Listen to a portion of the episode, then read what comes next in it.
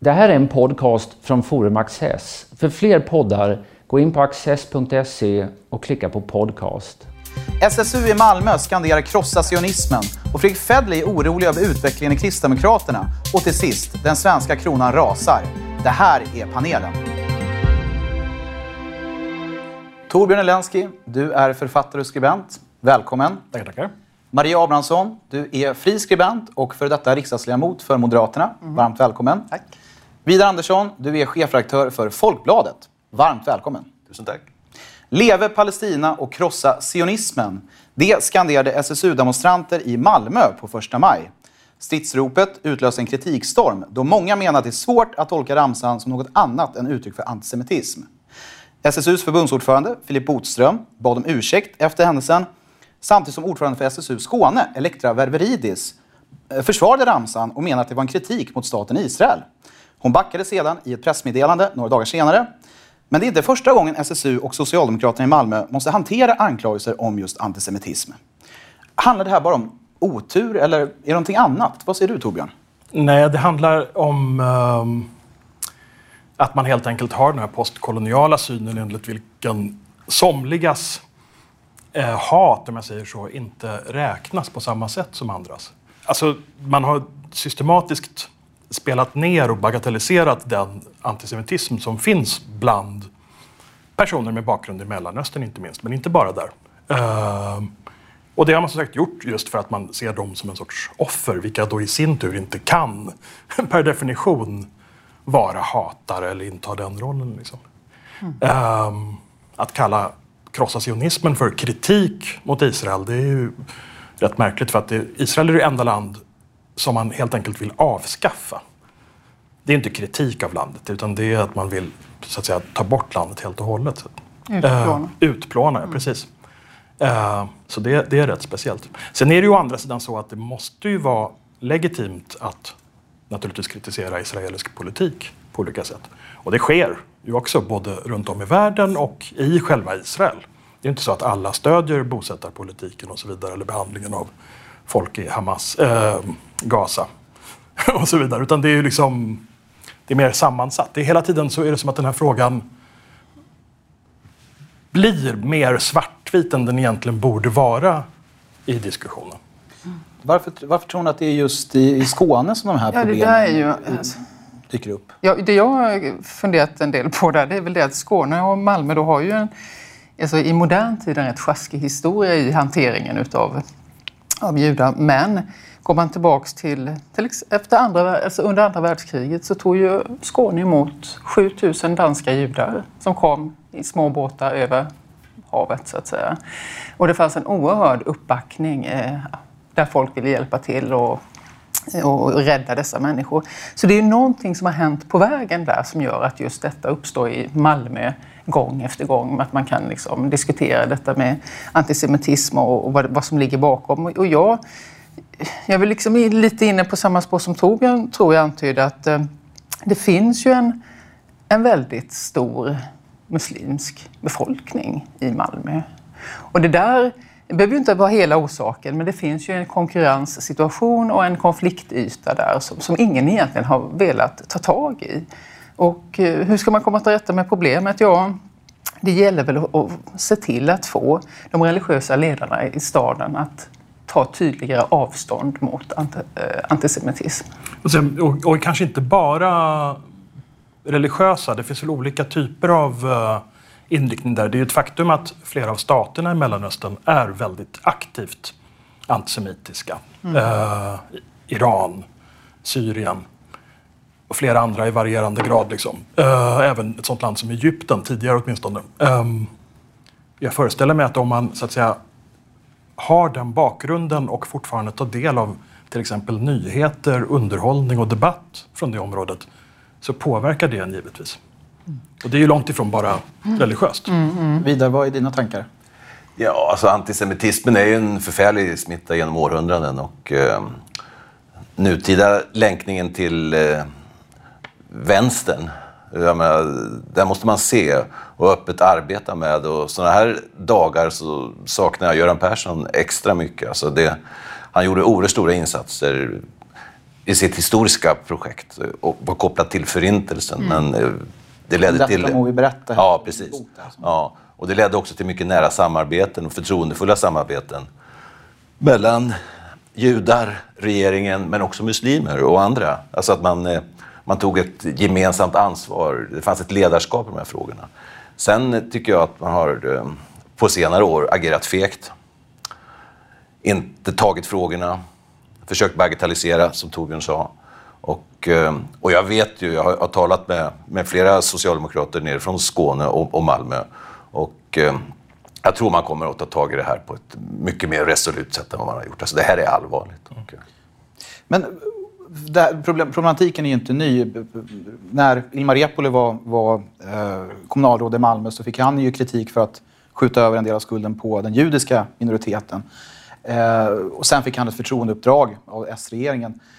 Alltså, vad, vad sänder det för signaler liksom, att, att eh, ja, en sån person får, får nya förtroendeposter? Liksom? Nej, det är ju att man inte tar det på allvar. Alltså man, man bagatelliserar någon form av partinytta, kan anses gå före i i en sån trivial fråga jämförelsevis, om man ska ha vinster eller inte i välfärds, välfärdsföretag, som är en skitsak om vi talar om antisemitismen, med den historien som det är närhistorien. Det finns, ja. Och sen tror jag inte vi ska undervärdera som sagt ens inom Socialdemokraterna hur viktiga influenserna av postkolonial teori och sån här maktanalys är. Eh, som helt enkelt har gjort att man, ja, som jag sa tidigare, det är väldigt svårt att kritisera den antisemitism som så att säga är den andres antisemitism. Men varför är det eh, delar av, ska jag säga, inte hela, utan delar av arbetarrörelsen där de här ja, skandalerna, händelserna utspelar sig och inte borgerligheten? Fast- Fast borgerligheten eh, omfattar ju huvudsakligen inte den här typen av postkoloniala Och varför gör ni inte det? teoribildningar. Ja, för att de teoribildningarna från början är ideologiska och eh, så att säga vänsterpräglade. Så de ligger främmande för borgerligheten. Sen är ju borgerligheten kanske överhuvudtaget inte så intresserad av kultur och den här typen av djupare analys överhuvudtaget. Så att det är inte bara så att den är, är duktigast i det här sammanhanget, utan den kan ju vara lite svag i frågan också, i ämnet Ja. generellt. Och det här har ju historiskt växt upp med partiledare som eh, Tage Erlander och Göran Persson, då, till exempel, om vi bara håller oss till socialdemokratin, växt upp i liksom en stark närhet till staten Israel.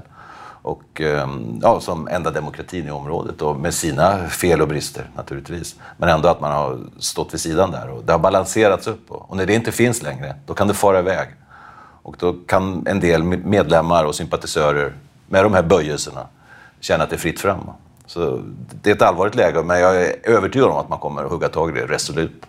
Och om man dessutom drar in det här lite råare, att det kan handla om helt enkelt röstfiske Mm. i en del begränsade områden, då blir det ju ännu värre. Eh, Men jag tänker på att det här är ju inte bara ett svenskt fenomen. Eh, Även brittiska Labour har ju, har ju anklagats, eh, haft ett, många svåra skandaler där man anklagats för antisemitism.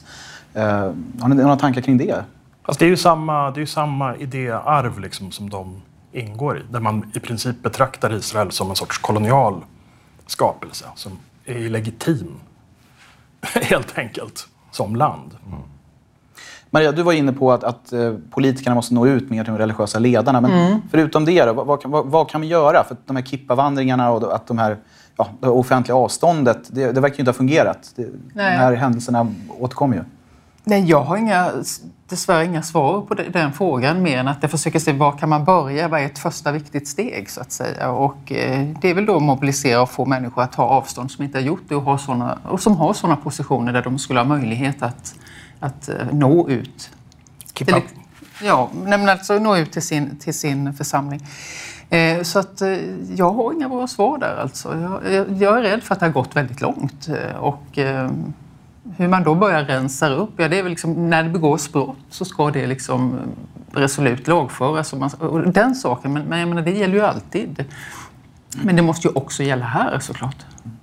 Vi måste tyvärr runda av, även om vi skulle kunna prata mycket mer om det här tragiska ämnet. I takt med att datumet för EU-valet närmar sig höjs också konfliktnivån i svensk politik. Det senaste exemplet är en debattartikel i Aftonbladet där Centerpartiets toppnamn Fredrik Federley oroar sig för att Kristdemokraterna tvekar i valet mellan liberala värderingar och diktaturfasoner. Något som i sin tur föranledde hård kritik mot Federley från Kristdemokraterna som inte delar den verklighetsbeskrivningen. Vi ska komma in mer på EU-valrörelsen i stort, men innan dess måste jag fråga dig Maria. Delar du Fedleys oro för vart KD är på väg? Nej. det gör jag inte. Och jag tycker väl att eh, det, det, Fredrik Federley, han, han eh, har ju precis som du var inne på, han har behov av att hitta en konfliktyta i det här eh, valet. Eh, han har precis samma problem som Stefan Löfven egentligen, att förhålla sig till att man nu har liksom driven en politik som i och för sig Centern gillar, men man befinner sig i ett politiskt sammanhang där som man inte gick till val på.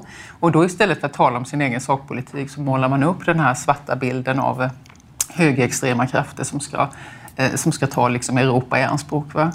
Jag har stor förståelse för att KD känner sig eh, rejält eh, liksom, eh, smutskastade. Jag menar, att bli anklagad som, som Skyttedal för att vara eh, homofob, abortmotståndare och antidemokrat, det, det är sånt bottennapp från Federleys sida så att det är ja, helt oacceptabelt. Och det som gör mig ännu mer bekymrad egentligen det är ju att han är ju ändå partiets andra vice ordförande. Det är klart, han skriver ju inte en sån här artikel och, och får den publicerad om han inte först har fått klartecken från sin chef. Annie Lööf. Och Annie Lööf var ju inte heller särskilt tydlig i att ta avstånd från artikeln i riksdagens partiledardebatt i veckan. Så det här är smutskastning på hög nivå och jag, eh, ja, jag skulle inte bli förvånad om det här verkligen också slår tillbaka på Fredrik Federley i antal personkryss eller vad det nu kan vara. Du menar att det handlar lite om som inrikes EU-politik på något sätt? Att man försöker positionera ja, sig inför ja. kommande riksdagsval. Vad säger du eh, vidare? Ja, det är alldeles uppenbart att det är så. så det är en förlängning av eh, hela hösten egentligen, hela regeringsbildningsprocessen.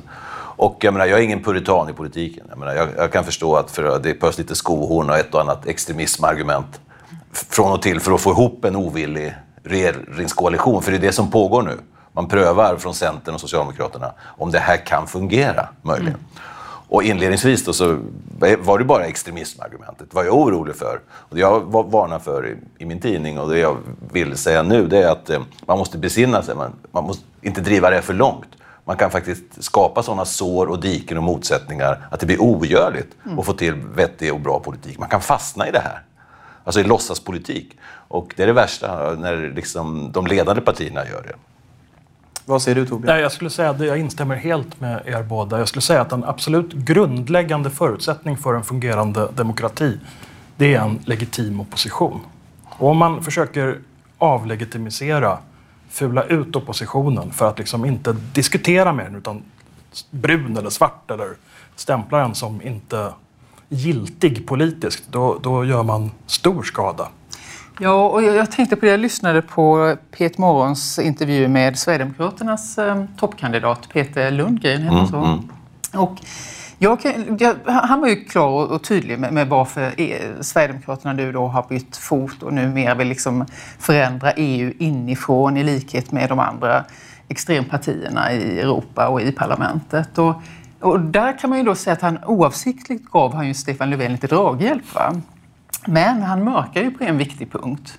Och det är ju att för att kunna ändra EU inifrån så måste man ju ändra EUs grundfördrag. Fördrag, Maastrichtfördraget, alltså de måste ju ändras och det är ju ingenting parlamentet gör. Det gör ju stats och regeringscheferna.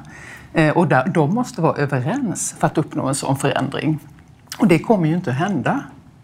Eh, det är, liksom, det är helt uppenbart att eh, även om vi räknar bort Storbritannien, men de här 27 länderna som är kvar kommer ju inte att rösta fram ett mer eh, odemokratiskt Europa. Det, det, det är uppenbart. Så att jag kan tycka att det här liksom, hotet om att det svarta gänget håller på att ta över taburetterna, som för då travestera... Eh, Ulvaeus? Nej, nej, Afzelius. Afzelius.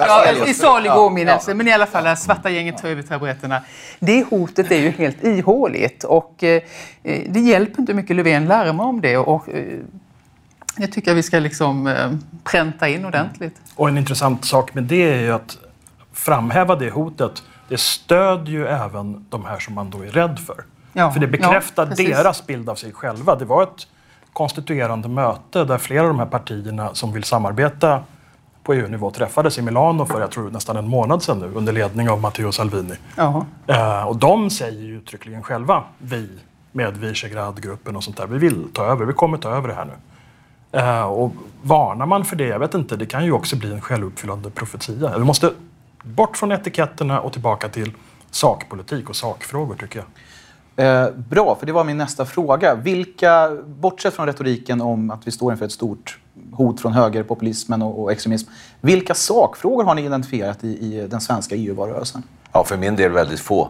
Eftersom eh, det fungerar inte så. Alltså, den, den stora sakfrågan nu är, är, är egentligen, men den är ju politikpolitisk, det är ju att alla åtta riksdagspartierna numera vill vara kvar. Det, är liksom, ja, det har ju förändrats ja. spelplan efter 25 år. Det är egentligen det. Annars är det ju förlängd inrikespolitik. Mm. Annars så finns det ju... Eh, jag leder en del EU-debatter och, och försöker att få folk att tala om vilka lärdomar finns att dra av Brexit till exempel. När det gäller det egna landet, när det gäller mm. hur EU bör vara till exempel. Och det, det kan leda till intressanta diskussioner. Med, och det är ju en, en klar europeisk fråga, sakfråga. Mm. Vilka lärdomar för EU? Jag skulle också kunna tänka mig faktiskt att eh, jag hade gärna sett att Sveriges åtta partier då hade meddelat hur de ser på behovet av att EU får starkare muskler för att kunna sätta hårt mot hårt mot de medlemsstater som inte lever upp till de grundläggande Absolut. värderingarna. Va? Eh, man, man, man, pratar om den här atombomben och sådana där saker, men det är också en ett verktyg för att liksom ta ifrån en medlemsstat rösträtt som atombomben innebär, eh, så krävs det också enighet. Alltså det sanktionssystemet funkar ju inte i praktiken. Det är också bara liksom hot och, och som Ungern och Polen sitter och flabbar åt. Mm. Eh, Socialdemokraterna ställer sig bakom idén om att medlemsländer som inte tar emot flyktingar ska få riskerar att få indragna bidrag till mm, exempel. Mm, mm. Det är ju lite den, det skulle kunna vara en sån mekanism, eller? Ja, man skulle kunna, och där är vi ju inte när det gäller de här grundläggande värderingarna som rättsstatens principer, demokrati och så. Det finns inga sådana ekonomiska sanktionsmöjligheter idag, för de kräver också enighet eh, om man ska kunna gå in och rubba det. Och där behöver man ju liksom ändra i själva majoritetsstyrkorna. Och är man beredd att göra det? Det skulle jag vilja ha svar på. Vad tänker du? Ja, jag tänkte att samtidigt så är just den här flyktingfrågan är ju det som så att säga, motståndet, eller vad man ska kalla det för, eh, samlas kring främst mm. i Öst och Centraleuropa och Sydeuropa. Och mer och mer och mer. Jag har lite svårt att förstå, alltså flyktingfrågan är stor och komplicerad och viktig. Men jag har lite svårt att förstå varför den måste vara det centrala för EU hela tiden och, och bara. Vi måste på något sätt få det här att fungera innan vi tar itu med det på något märkligt sätt. Om det nu går. Fast alla frågor är ju ihopflätade och allt är kladdigt. Det kanske inte går. Men det, jag tycker att det är fel att hela tiden fokusera på det. Oavsett från vilket håll man gör det. För även när man fokuserar på det så att säga för att man vill ta emot fler bidrar man till att frågan hela tiden är i centrum. Och det, mm. hittills har inte den pro-flyktingsidan tjänat på precis. Det Maria lyfter upp tycker jag är oerhört intressant. Alltså för där kan jag se en motsättning mellan två linjer i Europa. Den tyska linjen, mer som har adresserats ganska flitigt nu på senare tid, det är ju så att man, eh, man koncentrerar sig på att försöka hålla ihop. Inte sitta och fördöma varandra och hota varandra, utan vi försöker hålla ihop och se minsta gemensamma nämnare, ha förståelse för... En, en del av de här länderna har ju aldrig haft några demokratier, valdemokratier i egentlig mening faktiskt. Och titta, jag menar, det tog väldigt lång tid för Spanien och Grekland, de gamla diktaturerna man kom in på 70-talet. Man måste vara fördragsam med varandra och hjälpa varandra snarare än att hota varandra. Ja. Och den hållningen tror jag, det vore väldigt intressant om man kunde ha en diskussion om. För det där tror jag många människor kan förhålla sig till. Mm, du menar rätt eller fel? Ja, det är ja. för lätt att komma in och liksom ja, för svårt ja, att komma ut. Ja, sen, sen, kan jag säga, att, som en allmän fotnot det här vad gäller Sverige, så har jag alldeles för dåliga kunskaper om Europa. Vi är med i EU, mm. men vi läser alldeles för lite nyheter från våra europeiska medländer, kallar det för. Vi läser alldeles för lite av europeisk debatt. Allting. Det pågår enormt avancerad, viktig debatt. Det händer viktiga saker i mm. europeiska länder hela tiden. Mm. De är vårt närmaste grannområde och dessutom med i samma union som vi. vi borde, medierna borde skärpa sig enormt på den punkten. Ja, man har gjort en jämförelse där. Danmarks Radio har ju, om det är tre eller fyra åtminstone, Brysselbaserade mm. journalister. Men mm. Sveriges Radio tror jag har en. Mm. Eh, som ett exempel på det du nyss sa, Torbjörn. Eh. Sen behöver ju inte alla vara i Bryssel. Man skulle ju ha i Berlin, man skulle ha någon som täcker liksom ner mot Balkan till, mot Sydeuropa, mm. mot uh, Italien som ju har varit väldigt centralt nu politiskt. Mm. Och är det och kommer vara det i det här valet. Jag vet inte, det behövs mycket, mycket mer. Men alltså jag har en annan idé som också jag tycker är värd att diskutera faktiskt. Och det är ju att i Sveriges riksdag, i kammaren där, så får ju inte Europa, svenska Europaparlamentariker talar. Och tänk, jag ser framför mig, tänk om de svenska Europaparlamentarikerna kom till riksdagen och liksom blev lite avkrävda en förklaring. Vad har ni gjort? Redovisa nu för kammaren och för svenska folket. Vad gör ni där i Bryssel och i Strasbourg? Eh, så den, ska vi ha liksom fler som får tala i kammaren eller inte? Och ska det, inte generellt, men de här personerna borde ju kunna... Ja, de är ju, val, de är ju de är valda. valda. Det vore vettigt att koppla ihop Ja, parlamentet. Och stor makt. Alltså som EU-parlamentariker Ja, ja, suttit ja, ett tag visst. så kan det ju verkligen vara drivande i, i, i eh, lagstiftningsförslag och, och så vidare. Eh, är det några sakfrågor ni saknar i årets EU-valrörelse? Ja, det var väl den jag nämnde då, Ja. som jag saknar. Men jag vet inte ja. vad ni saknar. Jag, Eftersom jag inte riktigt har klart för mig vad det är för sakfrågor som gäller så vet jag inte vilka jag saknar nej. heller måste jag säga. Det är svårt. Det är, det är så väldigt hög grad på en symbolisk nivå det hela. Och Sverige är ju litet i Europa. Det går inte att komma ifrån. Ja, sen finns det ju faktiska frågor. Alltså man talar om medlemsavgiften kanske och jordbruksstödets storlek och sånt där. Men om man jämför med värdet av att Sverige är i, på den tullfria inre marknaden. Eh, värdet av det, där vi har 70 procent av exporten, 80 procent av importen. Det går, inte, det går ju knappt att räkna i Mm. Nej, pengar. precis. Så 15 miljarder hit eller dit, alltså det är egentligen felräkningspengar. Va? Så det, det är liksom ingen stor fråga. Mer än att det vore idiotiskt att avveckla stödet till svenskt jordbruk. Om ingen annan gör det. Och med, den, med det ordet så får vi runda av eh, veckans andra ämne. Tack så mycket. Bäva månde svenska semesterfirare. Den svenska kronan är idag svagare än på tio år jämfört med euron och dollarn. Något som också börjar få internationell uppmärksamhet i medier som Financial Times och Bloomberg. Men svenska politiker säger inte så mycket och den svaga kronan toppar, än så länge, inte nyhetssändningarna. Varför tar vi kronraset med sånt jämnmod, Vidar? Jag tror en lite kanske långsökt och väl psykologisk förklaring skulle kunna vara så att vi, vi kommer ju från eh, en väldigt lång period av devalveringsekonomi. Alltså när tillväxten efter andra världskriget, efter rekordåren knackade av i början på 70-talet, eh, så släppte man ju fram, när eh, Sverige fortfarande styrde själv, släppte man upp inflationen. Så det gick bra att låna och bygga här och man såg till att skriva ner kronans värde, framförallt gentemot tyska marken regelbundet. Och sen när vi gick med i EU och vi fick en självständig riksbank och så där så försvann ju de möjligheterna. Och det var ju en, eh, en svår pers där. Jag menar, 50 öre av kronan försvann så att säga när den värderades på riktigt. Men de här devalveringsförväntningarna, jag har hört många ekonomer som talar om det här, alltså de, de finns kvar. Alltså. Alltså det, är en, eh, det finns i det svenska eh, inrikespolitiska ekonomiska maskineriet på något sätt att det är bra Eh, med en svag krona på något sätt. Och, um, ingen, ingen pratar om det särskilt mycket. Och, men på något sätt att det ligger där som en... Eh, jag menar, vi talar om snart 50 år av en eh, svag svensk krona med, med, med kortare perioder av väldigt stark krona. Men alltså att normaltillståndet sedan början på 70-talet är en svag krona. Mm. Nej, men jag pratar gärna om, den, om nyttan med en svag krona. Jag menar, det handlar ju faktiskt om att eh, exportföretag tjänar på det. Eh, den eh, utländska investerarlusten i Sverige vinner på det. Eh, Okej, det blir dyrare för svensk att åka utomlands, men det blir billigare för turister att komma till Sverige. Och allt det där är ju faktiskt faktorer som i någon mening gynnar svensk välfärd. Det kommer in mer pengar till statskassan. Och sen när detta vänder, när svenska kronan blir stark, eh, ja då tappar vi ju alla de här delarna. Okej, det blir billigare för oss att vara turist utomlands. Men eh, ja, jag vet inte, i det stora hela så tycker jag nog att det är rätt okej. Alltså. Torbjörn? Alltså jag har ärligt talat ingen riktig uppfattning. Fast jag har en känsla av att den allmänna uppfattningen som jag då i viss mån delar är ungefär den du har framfört. Att man tänker sig att det är på något sätt bra för svensk export och så. Blir det lite dyrare när man semestrar så kan man leva med det. Och nu ska man ju inte Semester. åtminstone flyga Nej. i alla fall. Så det en del tycker väl det är bra också att folk har mindre Jag, jag, det. där är helt riktigt, jag har tänkt på det också. Sitter det liksom ett gäng miljömuppar på Riksbanken? För att jag menar, men å andra sidan, det är ju så att utländska turister flyger till Sverige så att jag menar själva utsläppen blir ju ändå någon Fast det, det handlar ju också framförallt om vår självkänsla Ja, och vår vår självkänsla. moral, inte om verkligheten. Men, men kan det inte vara också vara, eh, läsa någon analys om att det kan vara en signal om att eh, den så att säga, globala marknaden börjar tappa tron på Sverige? Att man liksom ser att BNP per capita utvecklas väldigt svagt eh, etc. Att, att, att nu börjar så att säga, det också ge effekt på den globala marknaden.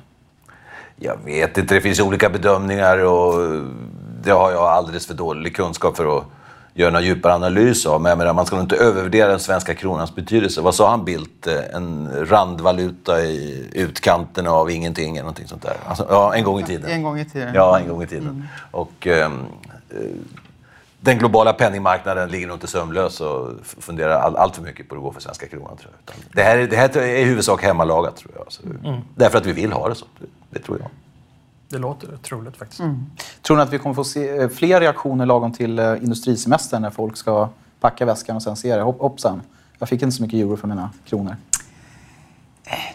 Jag vet inte. Det beror väl på hur sommaren blir. Blir det en va- varm och fin sommar så håller man sig hemma. Så att, eh, Ett tips till Sjöstedt och Ebba Busch.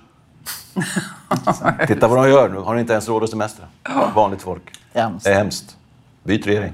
Men, men, men eh, Magdalena Andersson tror jag inte har sagt någonting om det här specifikt heller. Liksom. Det är ändå väldigt, eh, om man ser liksom på vad, vad internationell press skriver så, så är det, ja. Men det är, ju, det är ju ansvarslöst så att säga, gentemot medborgarna. Naturligtvis måste regeringen kommentera den här typen av utveckling.